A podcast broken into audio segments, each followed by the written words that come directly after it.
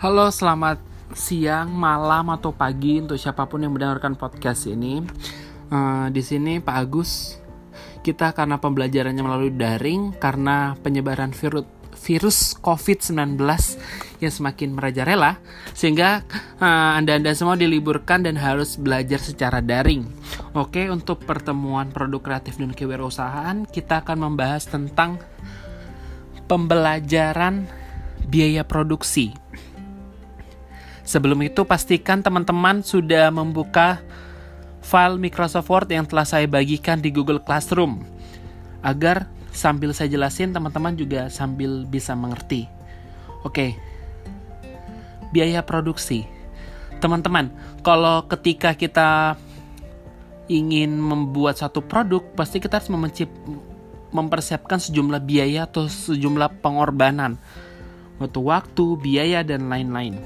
Namun kita akan fokus pada biaya produksi di sini. Biaya produksi itu apa sih teman-teman? Jadi biaya produksi itu adalah biaya yang kita keluarkan untuk menghasilkan produk tertentu. Untuk menghasilkan produk tertentu. Jadi mau itu biaya sewa, biaya bahan bahan baku, biaya tenaga kerja, biaya administrasi, distribusi dan lainnya itu termasuk dalam biaya produksi. Namun biaya itu sendiri dibagi menjadi dua. Itu kita ada fixed cost atau biaya tetap dan juga variable cost atau biaya variabel. Pertama kita akan bahas tentang fixed cost. Fixed cost ini namanya saja sudah biaya tetap. Artinya apa? Artinya berapapun tingkat produksi yang kita ciptakan, kita akan bayarnya tetap sama. Gampangnya gini. Jadi tingkat produksi berapapun yang kita gunakan, tingkat tingkat produksi berapapun yang kita ciptakan dengan harga yang sama. Contohnya teman-teman, ketika kita memproduksi 5000 5000 pieces tisu deh misalnya kita taruh di dalam gudang. Sama kita memproduksi 7000 pieces tisu kita taruh di dalam gudang mau berapapun tingkat produksi yang kita ciptakan, kita akan bayarnya sama bukan biaya sewanya, tetap satu juta per bulan. Itu namanya fixed cost. Jadi mau berapapun tingkat produksinya atau volume produksinya itu tidak ngaruh. Kamu bayarnya akan tetap sama. Contoh fixed costnya gampangnya gini deh. Ketika kamu sekolah, misalnya kamu libur satu bulan karena kenaikan sekolah, kenaikan libur semester tetap bayar satu bulan juga kan? Itu namanya biaya produksi. Itu namanya biaya tetap. Jadi berapapun mau kamu masuk atau nggak masuk atau tetap SPP bayarnya tetap sama. Itu termasuk dalam biaya tetap. Jadi bisa dipahami ya biaya tetap itu tidak tergantung pada volume produksinya. Lalu kedua ada variable cost. Variable cost itu adalah biaya yang kita keluarkan yang mana itu tergantung pada tingkat produksi. Jadi variable cost itu kebalikan dari biaya tetap atau fixed cost. Contohnya begini, teman-teman, biaya bahan baku deh gini. Ketika teman-teman menciptakan atau mau buat satu pieces kue membutuhkan 3 kg tepung ketika buat dua pieces membutuhkan berapa? 6 kilo tepung kan? Begitu juga kelipatannya. Ini berarti tergantung pada jumlah tingkat produksinya. Semakin tinggi tingkat produksinya, semakin tinggi juga biaya yang harus Anda keluarkan. Itu namanya variable cost. Selain biaya bahan baku itu ada biaya tenaga kerja. Kalau biaya tenaga kerja itu gimana sih Pak Agus? Biaya tenaga kerja contohnya seperti ini teman-teman. Ketika anak buah kamu nih anak buah kamu kerja 7 jam, kamu badannya juga 7 jam. Kalau ada anak buah part time yang yang kerjanya cuma 2 jam satu hari, pasti kamu juga akan cuma bayar 2 jam saja kan?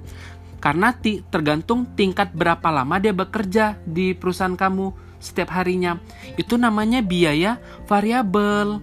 Jadi dia tergantung volume volume tergantung volume produksi dan juga bagaimana jam kerja masing-masing. Itu namanya variable cost.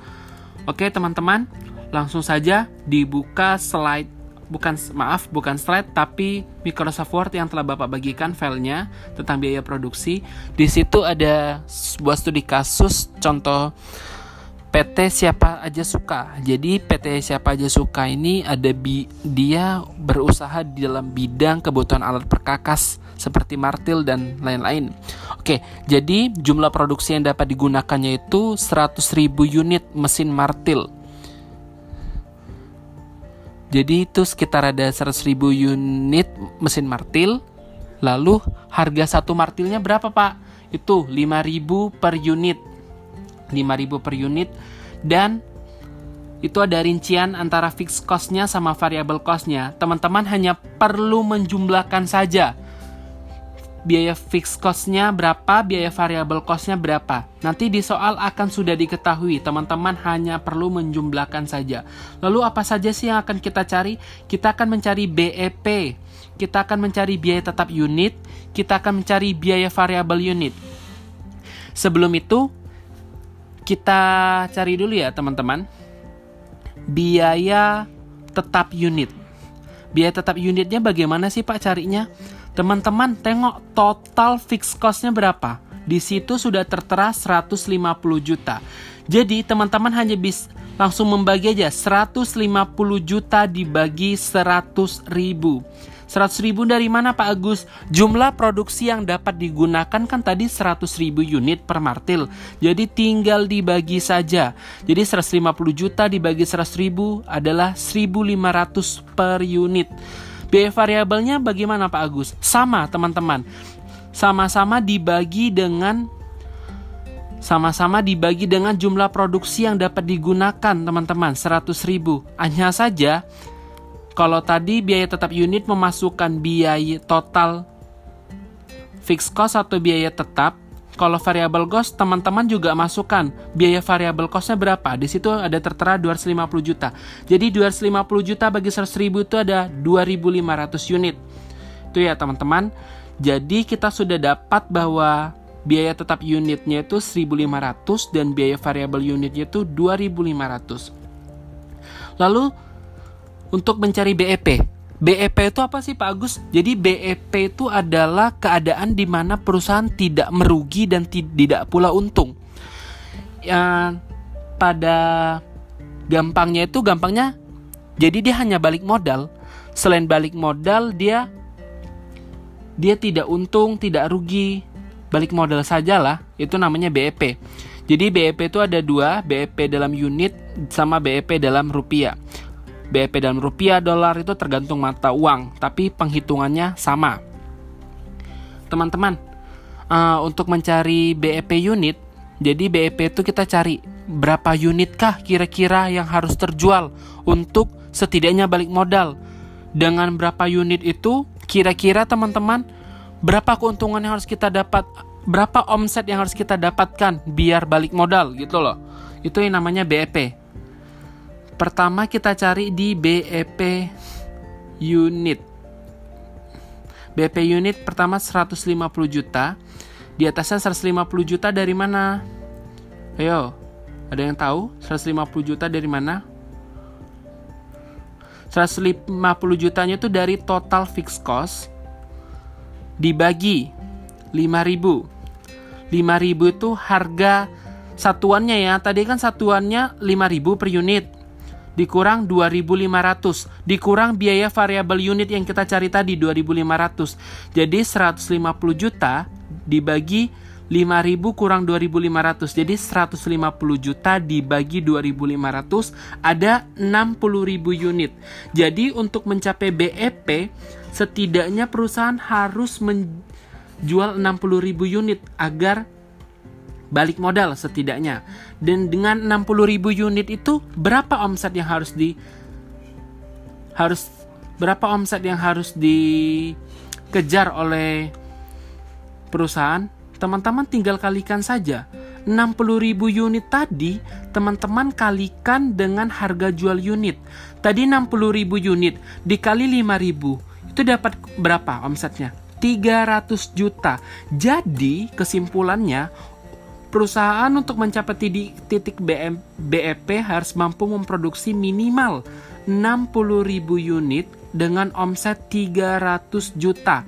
Jadi setidaknya itu terjual 600 eh setidaknya terjual 60.000 unit. Sorry ya, 60.000 unit dengan omset 300 juta.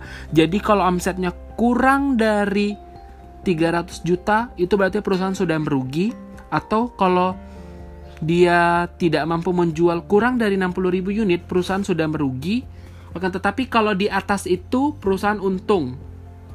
Otomatis kan kalau misalnya minimal apa BEP unitnya naik, omsetnya juga akan naik. Tapi kalau kurang dari 60.000 unit itu perusahaan sudah rugi. Oke teman-teman, uh, Pak Agus rasa cuma itu saja podcast hari ini untuk pertemuan online kita pertama tidak ada tugas dari Pak Agus, tapi saya harap teman-teman belajar di rumah, pelajari materinya baik-baik karena di pertemuan selanjutnya Pak Agus akan ada latihan sedikit, tidak banyak kok.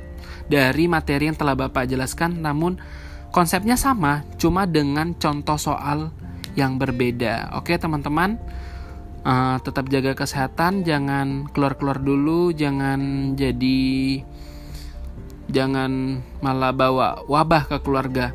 Artinya kita nggak tahu di luar sana ada indikasi apa saja. Tetap mengerjakan tugas-tugas yang diberikan guru karena sebenarnya saya tahu kalian pasti merasa kesusahan dengan adanya kelas online ini. Karena saya pribadi sendiri juga ya sebenarnya lebih enak kelas tatap muka kita. Cuma keadaan yang mendesak mengharuskan kita seperti ini virus yang tak kunjung belum belum selesai dari Indonesia kita doakan semoga Indonesia dan dunia sudah cepat-cepat pulih dari wabah corona ini. Oke Pak Agus rasa itu saja tetap pantengin Google Classroom. Oke, okay, thank you guys.